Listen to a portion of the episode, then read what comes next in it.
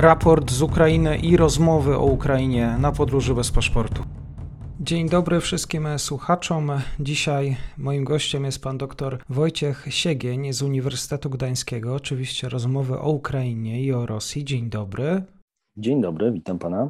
Będę pytał dzisiaj pana doktora o aspekt technologiczny. W mediach kolejne informacje o sankcjach, o tym, że firmy zachodnie z Rosji wychodzą zamykają placówki. Mm, mamy też e, informacje o tym, że problemy dotykają moskiewskich e, mediów, telewizji, radia. Sam dostęp do mediów jest w Rosji utrudniony. Może w takim razie pytanie, panie doktorze, z czego dzisiaj właściwie może korzystać typowy Rosjanin? Co mu pozostaje jako źródło informacji, jeżeli chodzi o konflikt na Ukrainie?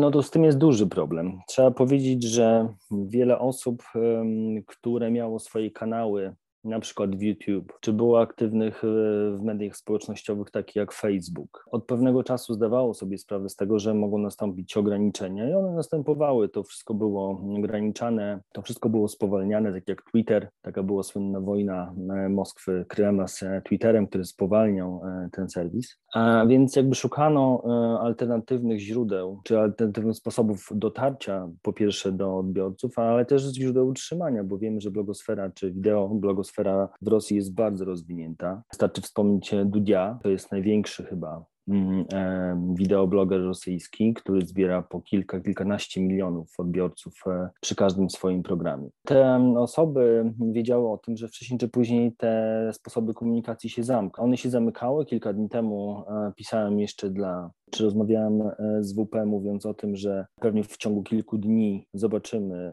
zamknięcie YouTube. Pomyliłem się, to się odbyło w ciągu kilkunastu godzin, a nie dni, ograniczania, zwalnianie i tak naprawdę wycinanie YouTube'a z, z, e, z Rosji. Ale dlaczego o tym wszystkim mówię? Mówię o tym dlatego, że bardzo wiele osób wiedziało, że być może czasowo jedynym sposobem na utrzymanie kontaktu z odbiorcami będzie przejście do Telegrama.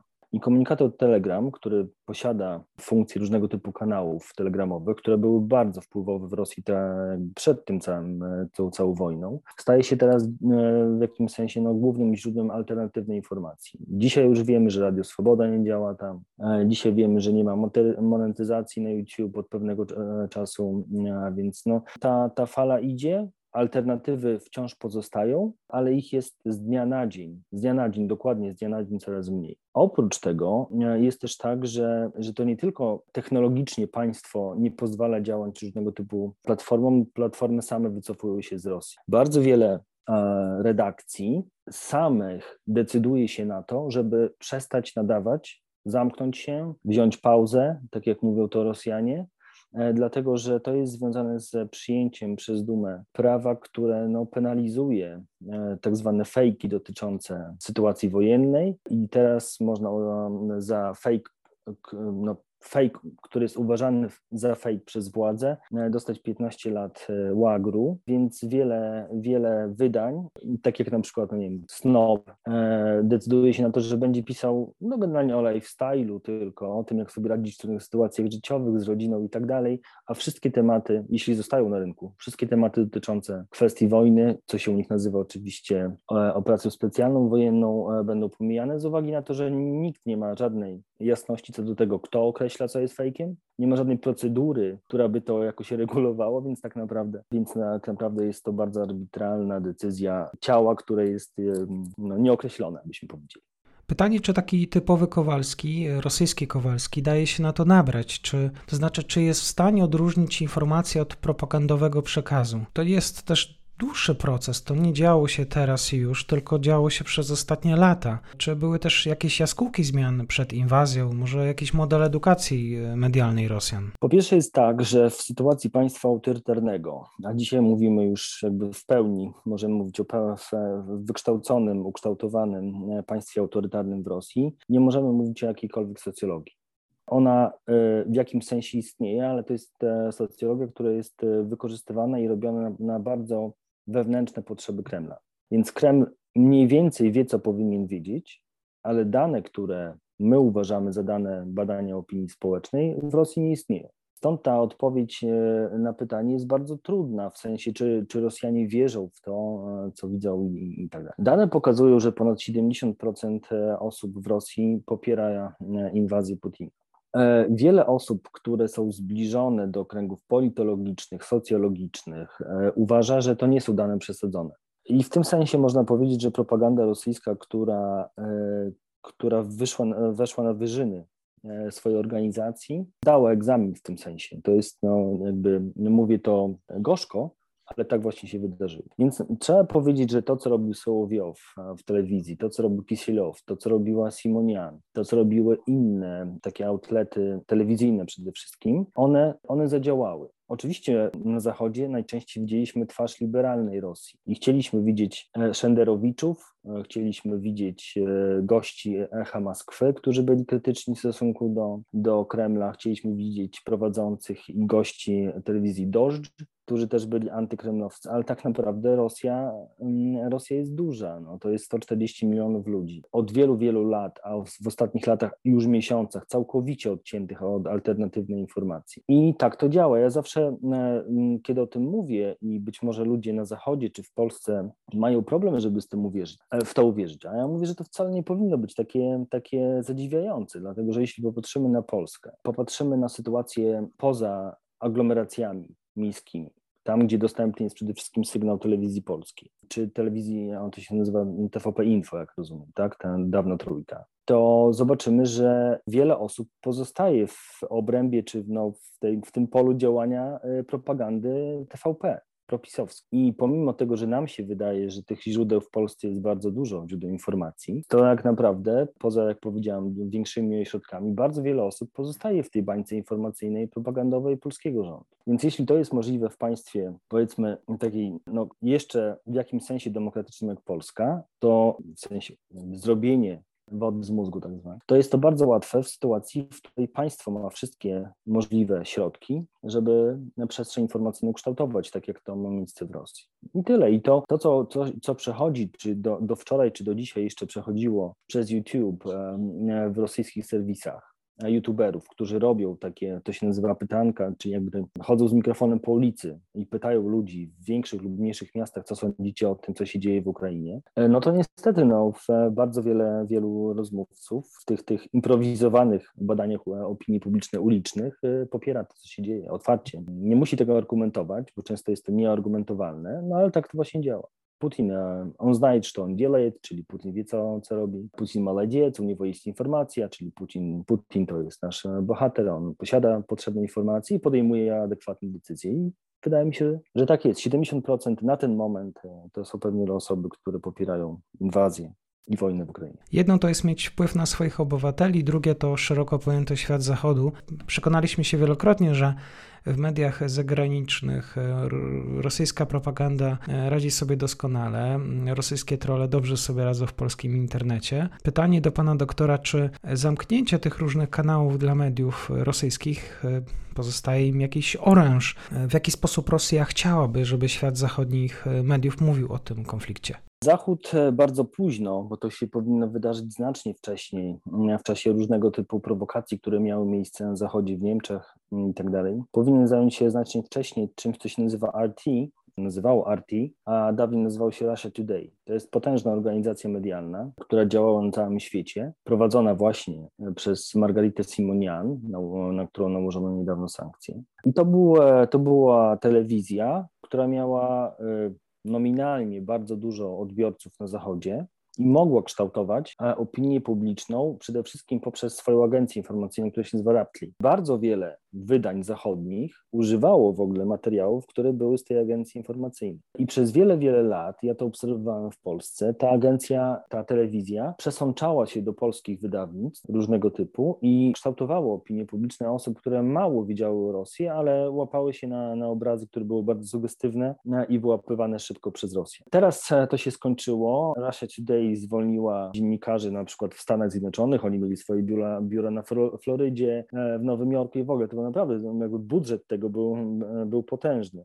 I w tym sensie możliwość wpływu na odbiorców w Stanach, ale być może ważniejsza była możliwość wpływu na odbiorców w Niemczech, tam gdzie jest duża, duża grupa Rosjan, takich ekspatriatów, migrantów, no różnie to bywa, albo po prostu ludzi, którzy tam przyjechali jeszcze, jeszcze w latach 90., ta, ta możliwość się ograniczyła, ale wciąż, wciąż jest tak, że jest, jest wiele osób, które nie znając się być może dokładnie na rynku medialnym i w ogóle na mechanizmach propagandy rosyjskiej, jest w stanie brać wiele informacji i kolportować je w Polsce, być może w dobrej wierze, a może po prostu z, w dobrej wierze po, połączonej z głupotą. Oprócz e, RT e, ograniczono i wycięto też z przestrzeni medialnej Sputniki, wszystkie i wszystkie możliwe, Sputnik to też był jakby, jakby taki rodzaj jakby e, medialnego, takiego konglomeratu medialnego, tak byśmy to nazwali.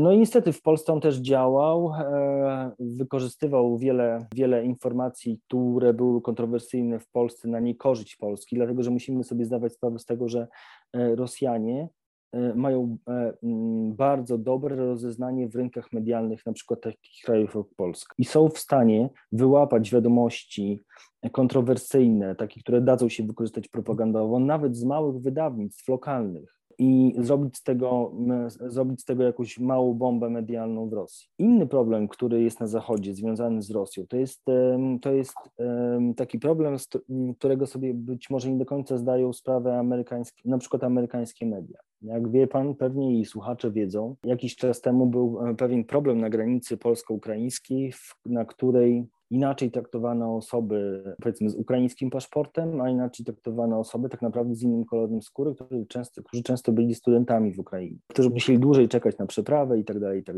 To natychmiast zostało wykorzystane przez propagandę rosyjską i podkreślane jako jeden z powodów w ogóle rozpoczęcia wojny, a naprawdę, czyli rasizm ukraiński, ale ta informacja, być może jak pan wie albo słuchacze wiedzą, e, bardzo szybko została podchwycona przez amerykańskie stacje telewizyjne. I e, no nie wiem, może pan włączyć jednego z bardziej oglądanych e, hostów late night show amerykańskiego, Trevora Noah, który zdaje się nadaje na HBO i zobaczy pan tam cały taki jakby segment poświęcony rasizmowi na granicy. E, ukraińsko-polskie. Więc e, my mamy na to określenie i to określenie funkcjonuje też jakby w, w zachodniej politologii, które brzmi pożyteczny idiota.